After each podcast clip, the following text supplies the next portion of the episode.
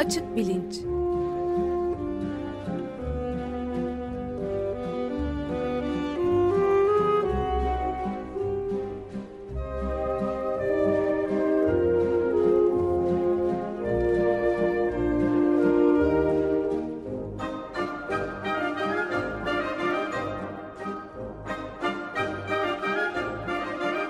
Güven Güzeldere ile bilim ve felsefe sohbetleri.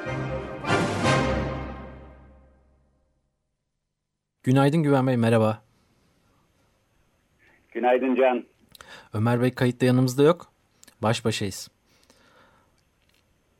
Ee, evet, e, bu e, günkü kaydı saat farkından ötürü pazartesi günü öğleden sonra yapıyoruz.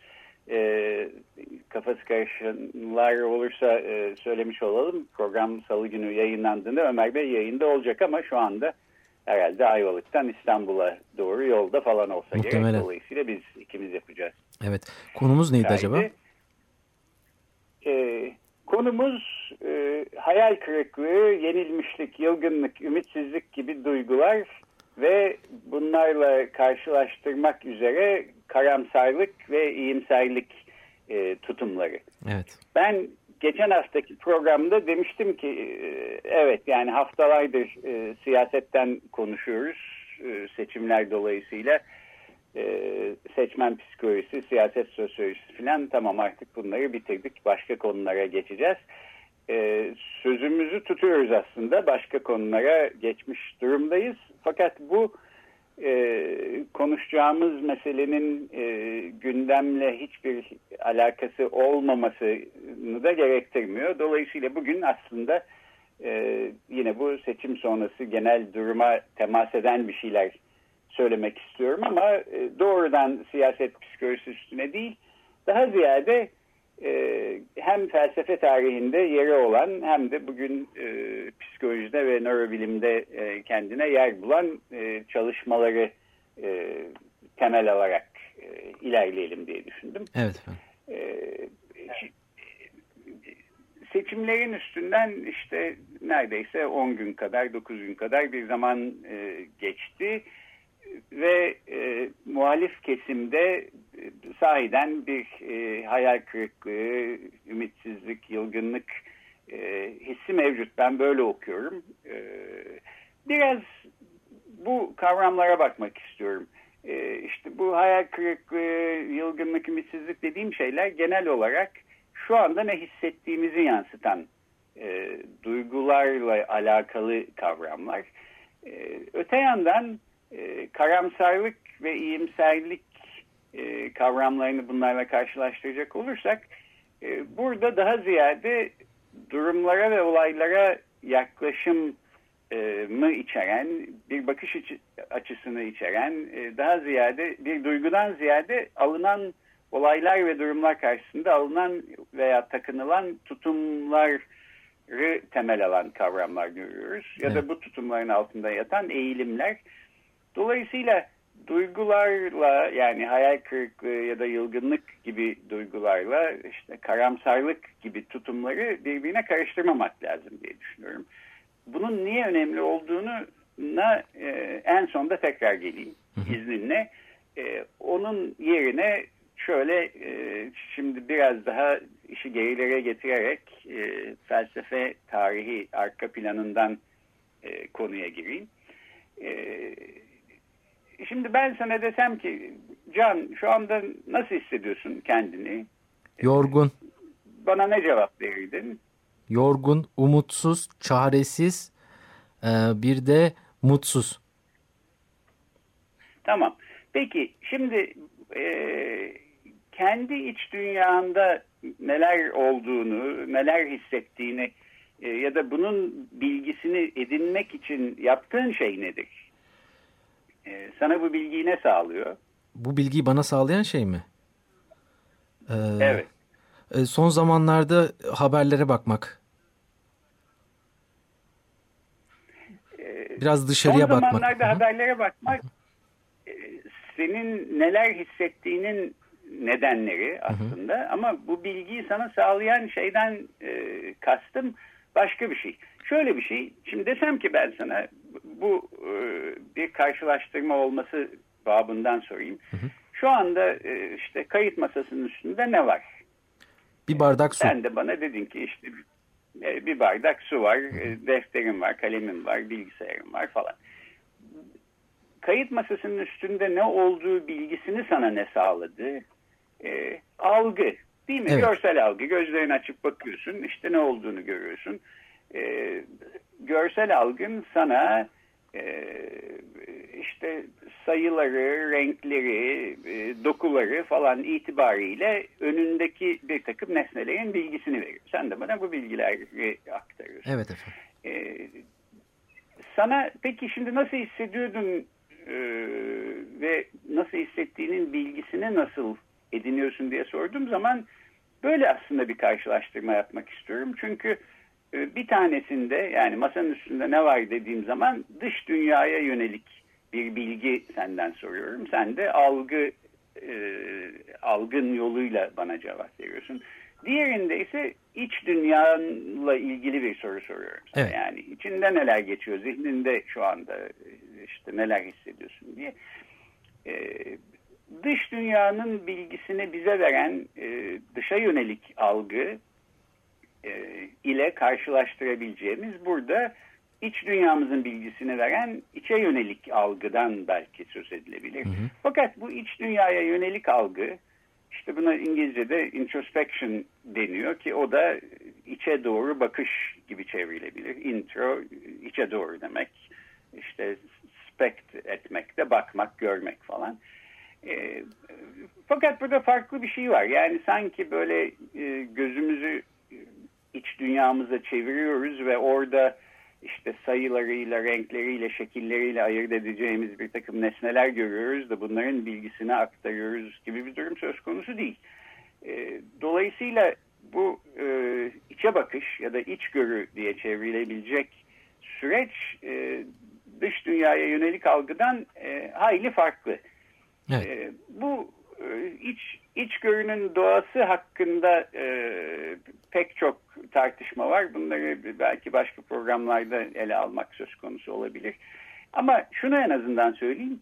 Bir şekilde e, aydınlanma dönemi sonrasında e, modernite çağının felsefi düşüncesinin temellerini kuran e, felsefeciler, işte bunların başında belki Fransız felsefeci René Descartes'i saymak lazım. 17. ve 18. yüzyıllardan bahsediyorum.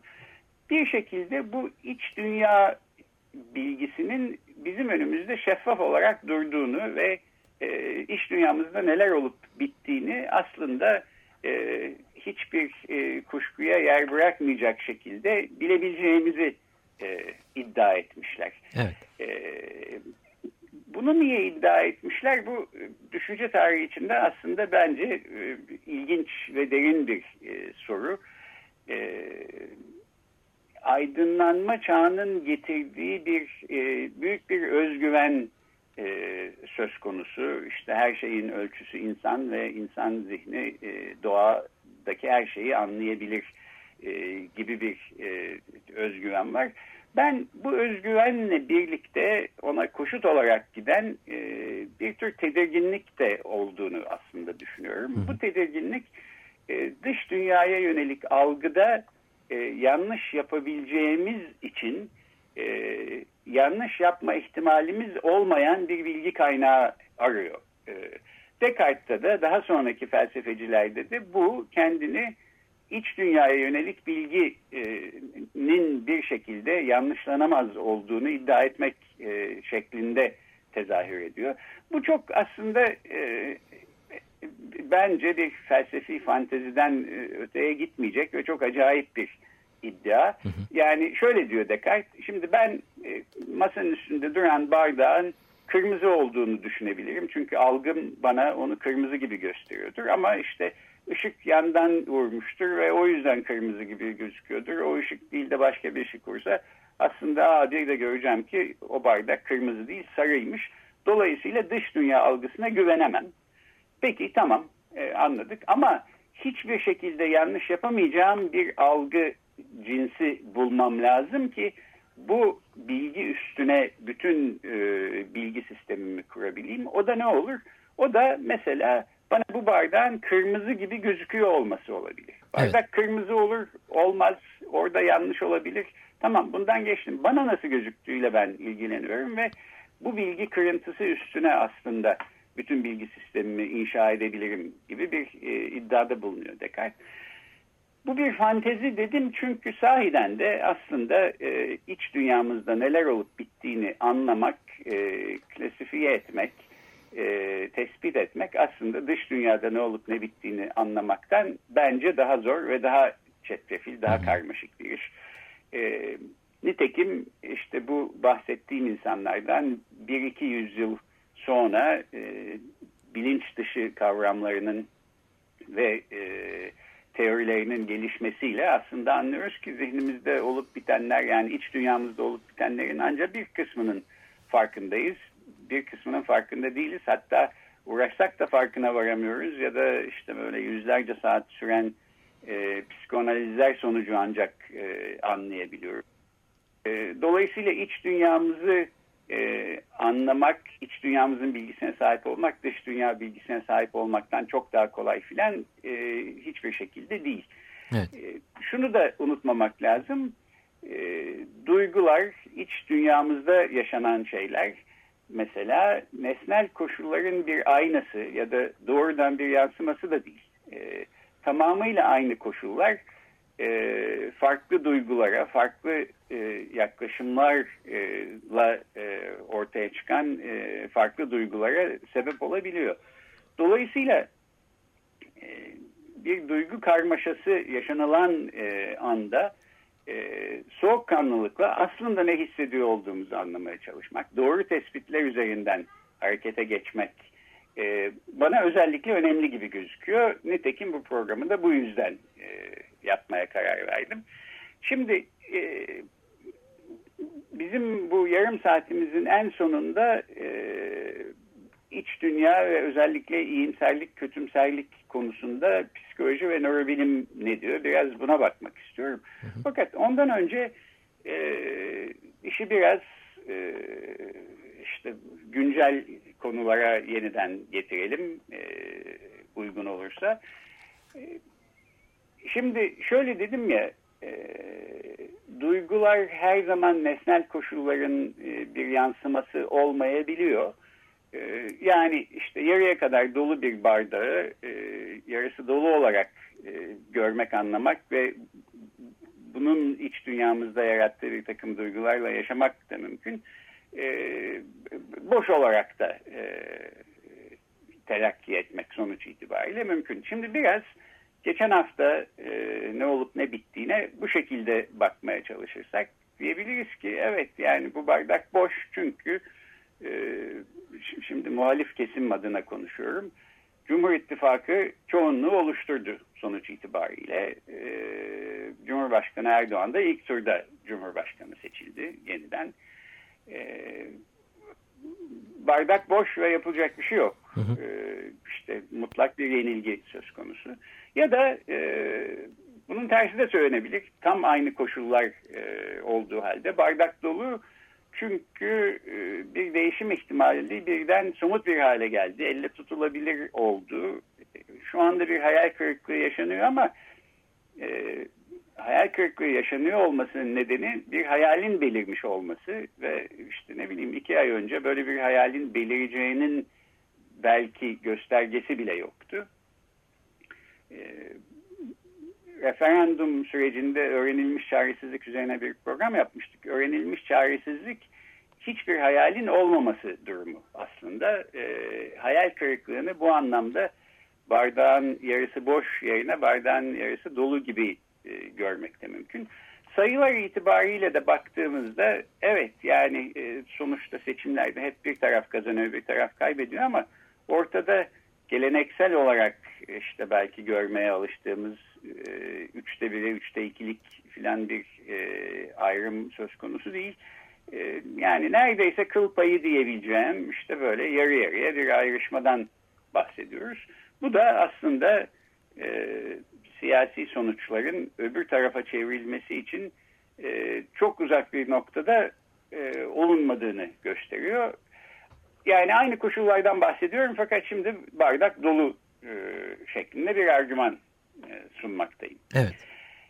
Şimdi e, peki sen de ne dedin? İşte ben kendimi yorgun, ümitsiz, çaresiz ve yılgın hissediyorum son bir haftadır. E, bunun sebebinin ne olduğunu da iyi tespit etmek lazım. Bana öyle geliyor ki e, sonuç itibariyle evet yani bir e, hayal kırıklığına yol açan bir e, hayalin ortaya çıkması işte 50 günlük muhalefet kampanyası sonucunda mümkün oldu. Öte yandan e, 50 günlük kampanya ile değiştirilmeye çalışılan şeyin işte e, neredeyse 16 yıldır e, yerleşmiş bir e, iktidar olduğunu unutmamak lazım.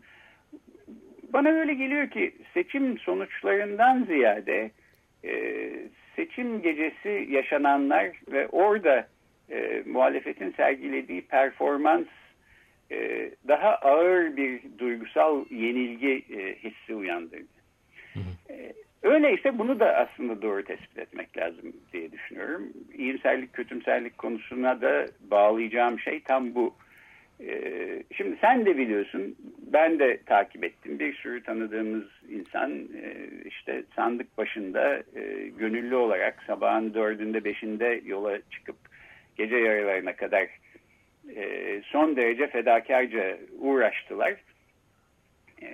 Fakat bir şekilde işte mesela Muharrem İnce ve CHP tarafından sürekli olarak işte sandıkları e, bırakmayın kazandık kazanıyoruz e, mesajları geldiği halde bir noktada e, bu kurumsal muhalefet ortadan kayboldu. Evet. E, yani e, işte tamam artık e, seçimin sonuçlarını biz kabul ettik. Dolayısıyla seçim sandıklarından da ayrılabilirsiniz gibi bir e, söz bile Muharrem İnce'den duyulmadı. Yarın bir açıklama yapacağım diyerek ortadan yok oldu.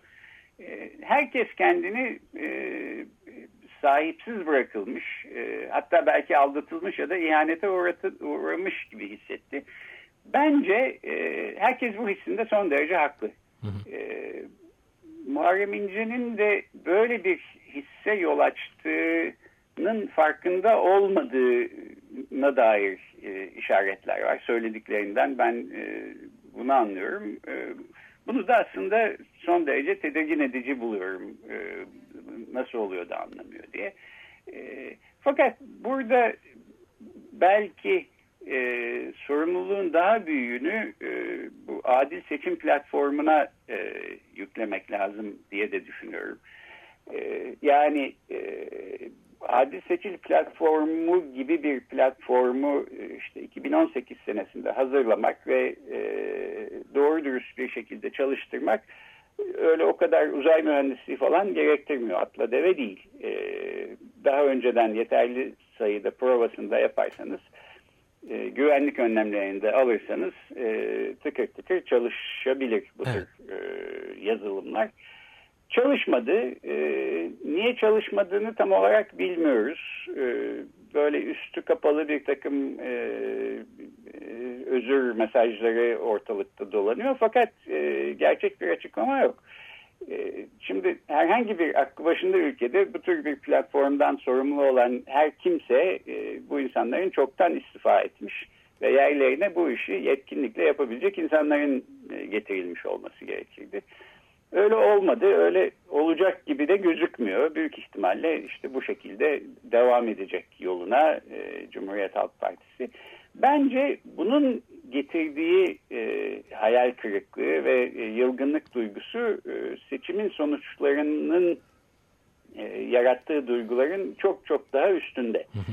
E, bu, bu iyi bir şey değil elbette. iyi bir şey olarak söylemiyorum fakat e, hangi duyguya neyin sebep olduğunu e, işte iyi tespit etmek gerek diye düşündüğümden böyle bir analiz yapmaya evet. çalışıyorum. Bu adil seçim platformunun e, başında e, yani CHP'nin bilgi ve iletişim teknolojilerinden sorumlu e, olan bir genel başkan yardımcısı var. Onursal adı güzel diye bir kişi. E, seçimlerden önce bir e, söyleşi vermişti. Orada mesela demiş ki seçimde gerekirse yapay zeka kullanacağız.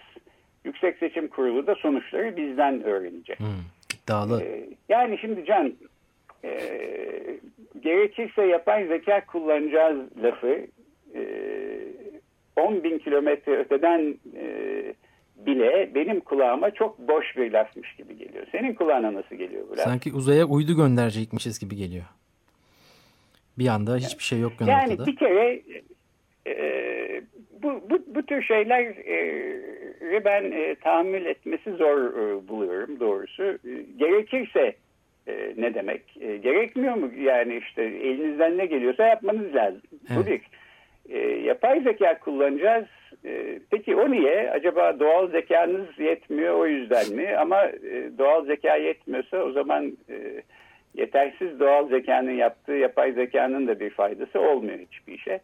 E, yani laf olsun diye söylenmiş ve aslında hiçbir şey ifade etmeyen bir söz olduğu belli. Belki seçimler olmadan bile bu adil seçil platformunun e, ne mene bir şey olduğu buradan gözüküyordu maalesef.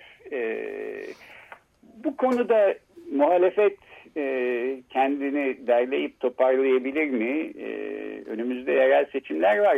E, yani bir seneden az bir vakit var. Hatta belki birkaç ay var öne alınırsa. Öyle şeyler de konuşuluyor. E, o konuda neler olacak doğrusu onu onu bilmiyorum. Yani orada bir e, ümitsizlik hissinin bir temeli olduğu doğru. E, herkesin yaşadığı hayal kırıklığı ve kızgınlık da aslında bence son derece haklı. Fakat e, şimdi işi iyimserliğe e, getirerek bu son bölümde sözü toparlamaya çalışayım. E, bu hayal kırıklığı gibi duyguların e, bir tür karamsarlık zeminine oturması ve orada stabilize olarak bir şekilde hayatımızı belirler hale gelmesini e, ben kötü bir sonuç ve tehlikeli bir sonuç olarak e, görüyorum. E, şimdi belki bu çerçevede bu iyimserlik kötümserlik eksenine e, kısaca geri, geri dönmekte fayda olabilir. E, işte ümitsizlik ya da hayal kırıklığı gibi duygularla karşılaştırdığımızda iyimserlik veya kötümserliğin bir tutum ya da bir yaklaşım olduğunu, bir duygudan ziyade e, belli duygulara yol açan bir temayül e, olduğunu söylemiştim. Nitekim sosyal psikoloji literatüründe de işte hep dispozisyonel yani eğilimsel e, teoriler e, görüyoruz baktığımız zaman e, olumlu ya da olumsuz beklentilere olan eğilim belki iyimser ya da kötümser olmak. E, ve genellikle hayatımızı düzenlerken ve sürdürürken önümüze çıkan engellere nasıl tepki verdiğimizle bu nitelikler ölçülüyor. Yani kimin ne kadar iyimser ya da ne kadar kötümser olduğu. E, bu konuda 2013 e, yılında mesela ilginç bir e, makale çıkmış. Experimental Neurobiology yani deneysel nörobiyoloji dergisinde e, University College London e, Üniversitesi'nden David Hecht diye bir e, kognitif nörobilimci yazmış. O diyor ki e, iyimserlikle kötümserlik arasındaki denge yani olumlu veya olumsuz beklentilere olan eğilimin eğilimlerimiz arasındaki denge mutlaka evrimsel tarihimizde önemli bir yer tutmuş olmalı. Ee, ikisinin de yani iyimserliğin de aslında maliyetleri var. Dolayısıyla ikisi arasında bir denge kurmak gerekiyor. Kötümserliğin e, ya da karamsarlığın maliyeti işte bir süre sonra hayatın çekilemeyecek e, e, olması, e, bir hareketsizlik doğurması. E, iyimserliğin maliyeti ise belki gerçekçi olmayan beklentiler sonucunda yaşanan hayal kırıklıkları, e, yüksek risk içeren davranışlarda bulunmak filan. David Hecht'in e, bir başka iddiası var.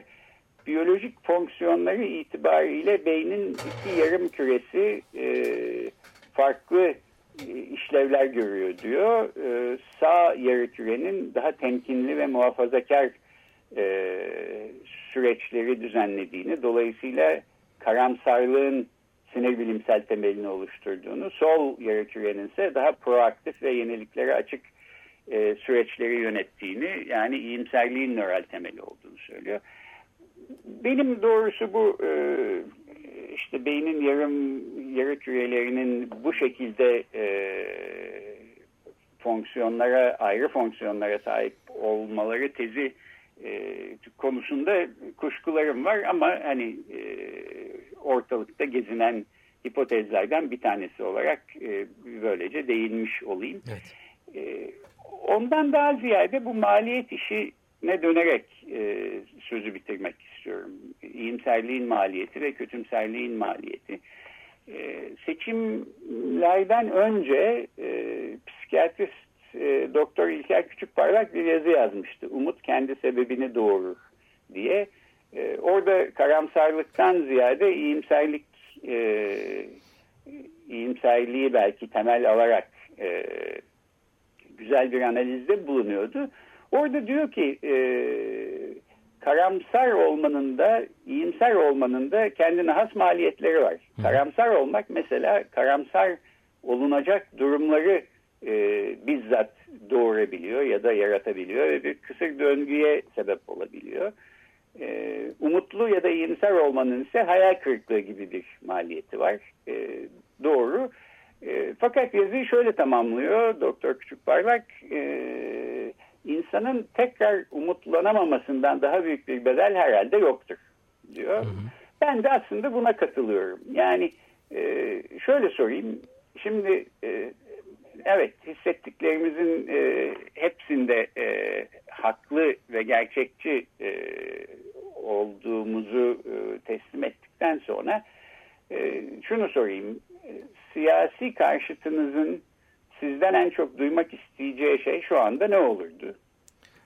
E, herhalde şu olurdu. Yani ya tamam ben havlu attım, pes ettim artık bu işte yokum hı hı. E, demeniz e, olurdu. Bir daha oy kullanmayacağım demek gibi. E, mesela hı hı. E, ya da işte herhangi bir siyasi çaba içinde bulunmayacağım demek. E, şimdi e, işler olacağına varsın, herkes ne hali varsa görsün ben yokum demenin özellikle e, bu tür e, yılgınlık ve hayal kırıklığı duyguları yaşanan e, zamanlarda e, çok büyük bir cazibesi olduğunu görüyorum. Gerçekten bir çekim e, alanına sahip.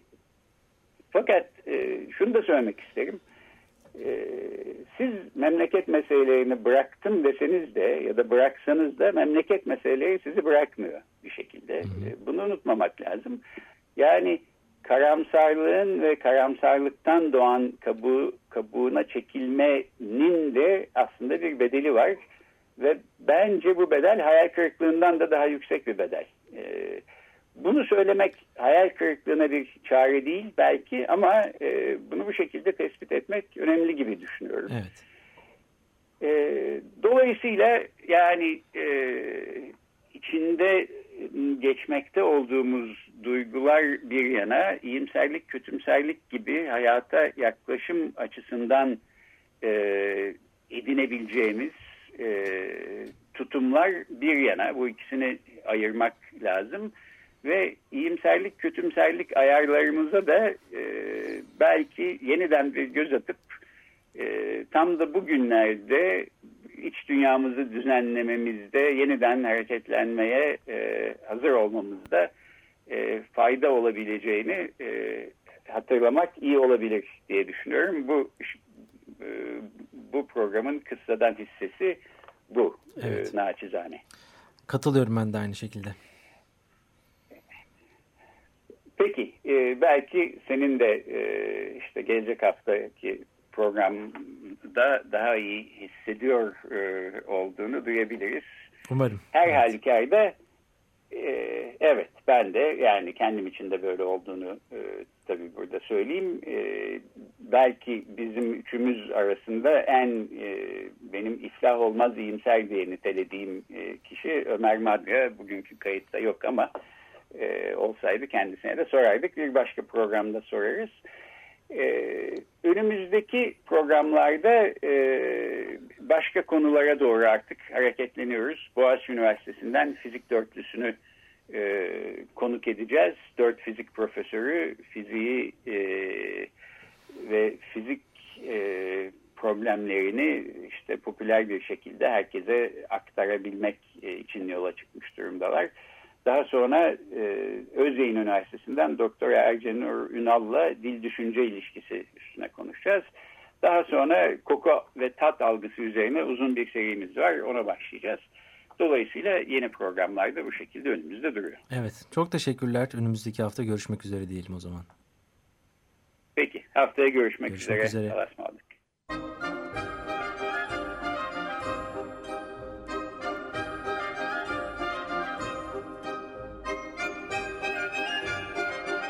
Açık Bilinç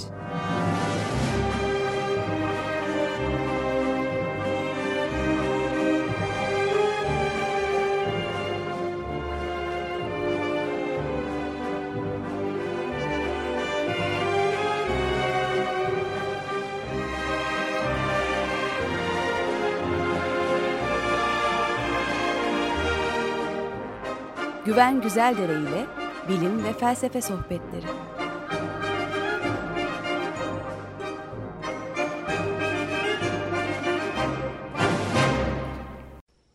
Radyo program destekçisi olun.